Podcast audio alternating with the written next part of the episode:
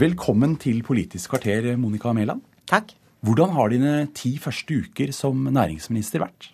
Ja, De har vært som en virvelvind. Eh, jeg tror aldri jeg har eh, opplevd noen uker som har gått fortere, eh, og som har medført en ganske bratt læringskurve. Jeg kom jo da fra lokalpolitikken i Bergen 16.10, og har brukt ukene på å møte veldig mange nye mennesker, sette meg inn i mange saker, og reise mye rundt både i inn- og utland. Hva har overrasket deg mest eh, som statsråd hittil? Jeg tror nok at for meg personlig eh, så er eh, den største overraskelsen å gå fra noe du kan ganske mye om etter ti år, til noe du ikke kan så mye om. Og det å akseptere at man ikke kan så mye, eh, og akseptere at det er mye nytt å sette seg inn i, det har vært en veldig brå overgang.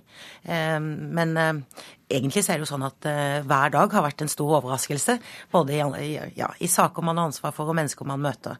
Det å ha ansvar for romforskning var f.eks. ikke noe jeg tenkte nøye gjennom når telefonen kom fra statsministeren.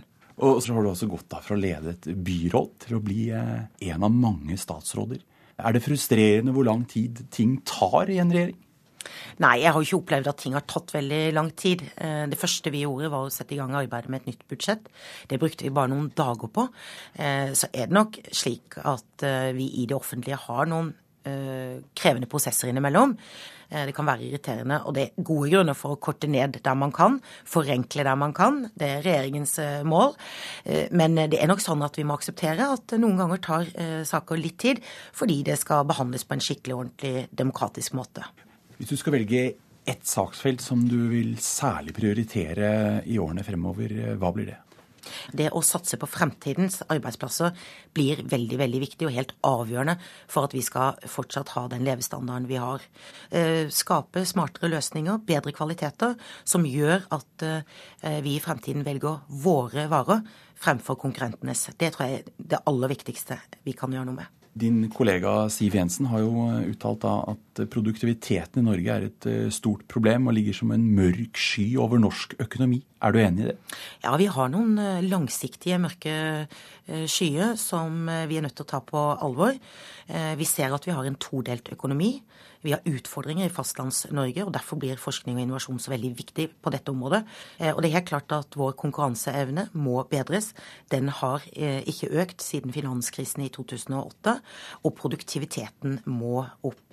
Eh, og det gjør vi både på kort sikt ved å legge til rette for vekstfremmende eh, reduksjoner i skatter og avgifter, og på lengre sikt med å satse på forskning og innovasjon. Staten har jo i dag et stort eierskap i en rekke større norske selskaper. Når vil eh, regjeringen begynne å selge seg ned her? Ja, det er jo slik at uh, Regjeringen allerede har fått noen salgsfullmakter fra Stortinget, både Mesta og Entra. Uh, og vi har varslet en ny politikk på dette området. Vi ønsker å øke det private eierskapet. Vi tror det er bra med privat eierskap. Uh, det er bra for bedriftene fordi de får inn en kompetanse og en mulighet til å utvikle seg som er mye bedre i en del tilfeller enn det staten har. I tillegg så handler det om maktspredning. Vi er i gang med å arbeide med en eierskapsmelding melding. Vi skal gjøre ting på en ordentlig og skikkelig måte. Eh, så jeg pleier å si at vi skal ikke selge høns i regnvei. Eh, men eh, jeg er jo generelt en ganske utålmodig person, så jeg har varslet en eierskapsmelding til våren. Og det er målet vårt. Og så skal vi ta det derfra. Og da er ingen delvis statseide selskaper fredet?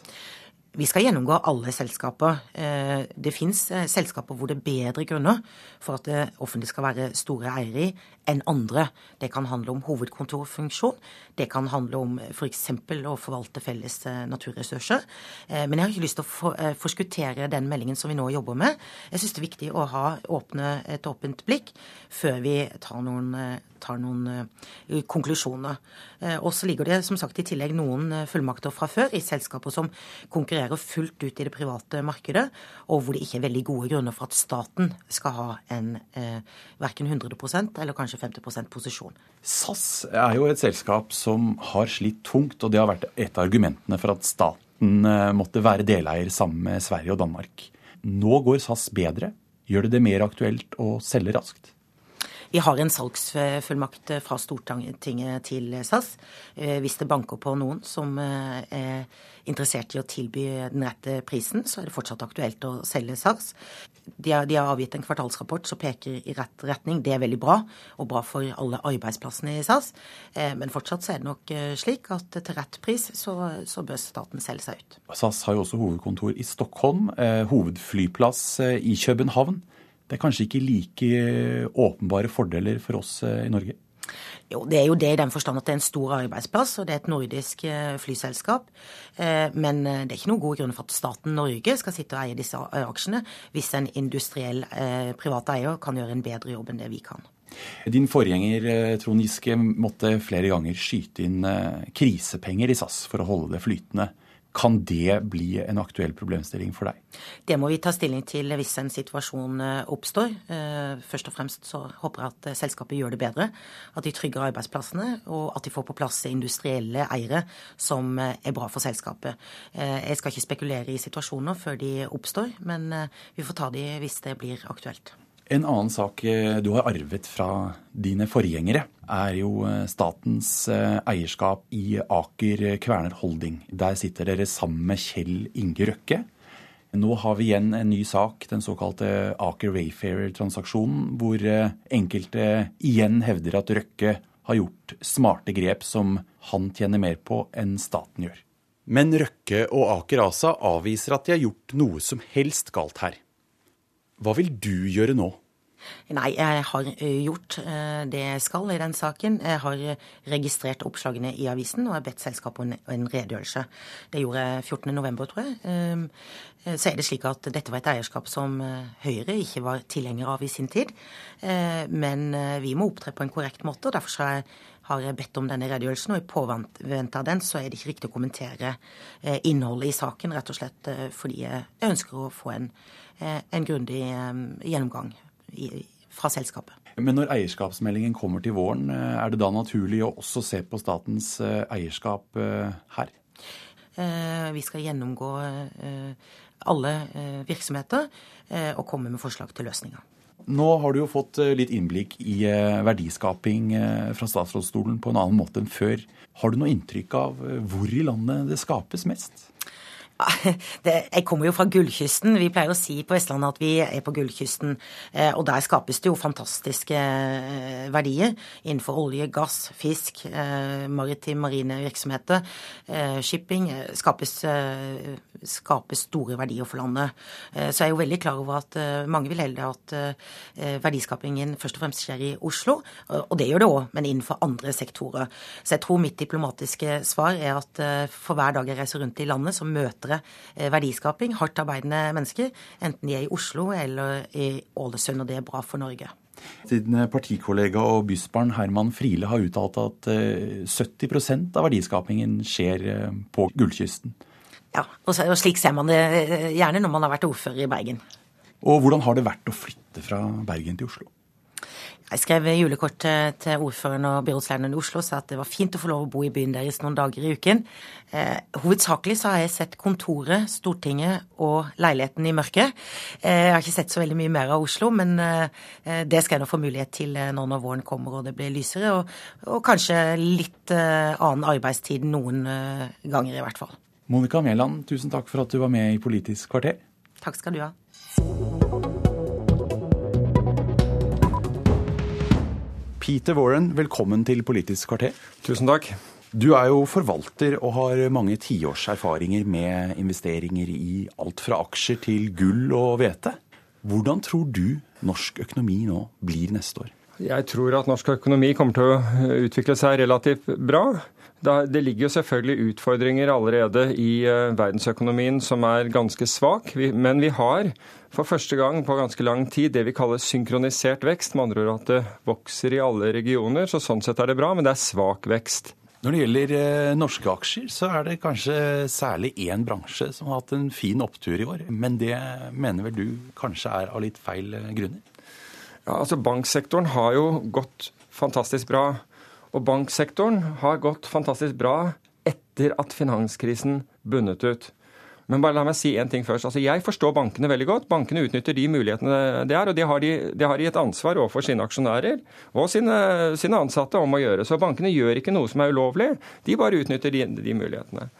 Nå kommer myndighetene inn og sier dere får ikke lov å ta så mye risiko som dere gjorde eh, tidligere. Det, det, er helt uaktuelt at dere har 50 ganger belåning av egenkapital. Det betyr at det skal være en bitte liten nedgang til, så er, så er, egenkapitalen tapt. Det får dere ikke lov å drive med. Dere får ikke lov å drive med disse ekstremt eh, spekulative tingene som dere har gjort før. Nå skal vi ha orden, nå må dere bygge opp egenkapital. Og her er bankene i en unik eh, posisjon. Fordi bankene kan si ja, ja, men vi skal tjene like mye som vi har gjort før. Og så justerer du alt annet. Altså bare øker du marginene dine. Og så, får de anledning til å bare øke kostnadene sine mot forbrukeren. Altså, så forbrukerne må, må, betale for gilde. Så har man hele tiden sagt at øh, det er kundene som må være med på spleiselaget, men det, jo, det er jo ingen andre som betaler for dette laget. For alle andre er det en kjempefest.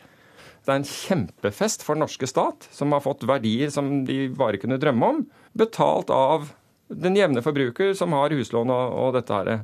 Men bankene selv vil jo da innvende at dette er myndighetspålagt. De er på forpliktet til å øke fortjenesten og marginene. Ja, altså de er forpliktet til å bygge opp kapital.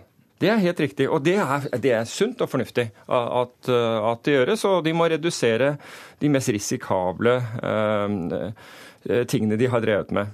Helt fornuftig, men det er ingen som sier at banker skal ha en sinnssyk fortjeneste. Altså det, er, det, er en, det, er, ikke en, samfunnsoppgave å berike aksjonærer i bankene. Bankene må være solide. Men bankene, altså, det er nettopp aksjekursutviklingen på bankene som da har vært sant, mange, mange ganger bedre enn en gjennomsnittet av selskaper, som understreker hvor godt bankene går som, som følge av det. De, ikke, altså de, kunne tatt foten av gassen i forhold, til, i forhold til forbrukeren og sagt at vet du hva, altså nå trenger vi ikke de, dette her går virkelig bra. Men det er klart at de ser en mulighet. Og helt lovlig, helt greit, og dermed tråkker de gassen ned så langt de klarer. ikke sant? Helt til, altså de, de klemmer de, de kryster den der sitronen for alt det er verdt, mens de kan. Men det er på en måte en bedriftsleders uh, forpliktelse Eh, overfor, eh, overfor aksjonærene. Der, der, er staten godt inne. ikke sant? Eier eh, i underkant av en tredjedel. Det som forbauser meg, er at, er at, politikere og myndigheter faller for dette her. Det mener jeg, det, det forbauser meg. Men den enkelte bank vil vel sikkert innvende at disse pengene ikke går direkte til aksjonærene, men at man bygger seg opp en større beholdning for å takle dårligere tider? Ja, og det, det gjør man også. Det bør, bør, man gjøre. Men det går også til aksjonærer i utbytte. Når bankene hever rentemarginen til kundene, da kan du regne ut fordi du vet hvor mye, hvor mye, utlån banken har. Du vet innlånskostnadene. Og du kan regne ut nøyaktig hva det blir per aksje. Og så sier du jøss, dette er jo helt fantastisk. Denne banken her har jo en fantastisk altså inntekter i forhold til, til, til, til, kostnader. Her skal jeg være med, det her er store inntekter. Hvor mye banken er verdt, det kan du se gjennom, kan du se gjennom aksjekursen.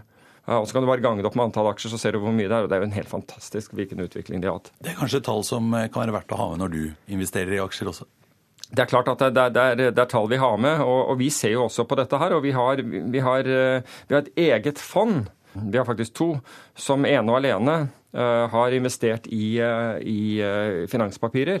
Nettopp fordi vi har, sett, altså vi har, sett, hvordan samfunnet har reagert, at vi har sett hvordan politikerne har reagert, at bankene har fått, fått lov i anførselstegn, til å øke sine marginer, at konkurransen egentlig selv om bankene sier, eh, sier, at den virker, så gjør den ikke det, for alle hever likt. Ellers hadde det vært Du hadde ikke sett det ellers. Igjen helt fornuftig. Og så har vi sagt ok, følgen av det er at disse kommer til å tjene fryktelig mye penger, så dette er verdt å eie. Og det viser seg også å være riktig. Vår tid er ute, Peter Warren. Takk for at du var med i Politisk kvarter. Tusen takk for at jeg fikk komme. Mitt navn er Sindre Heierdal. Politisk kvarter er slutt.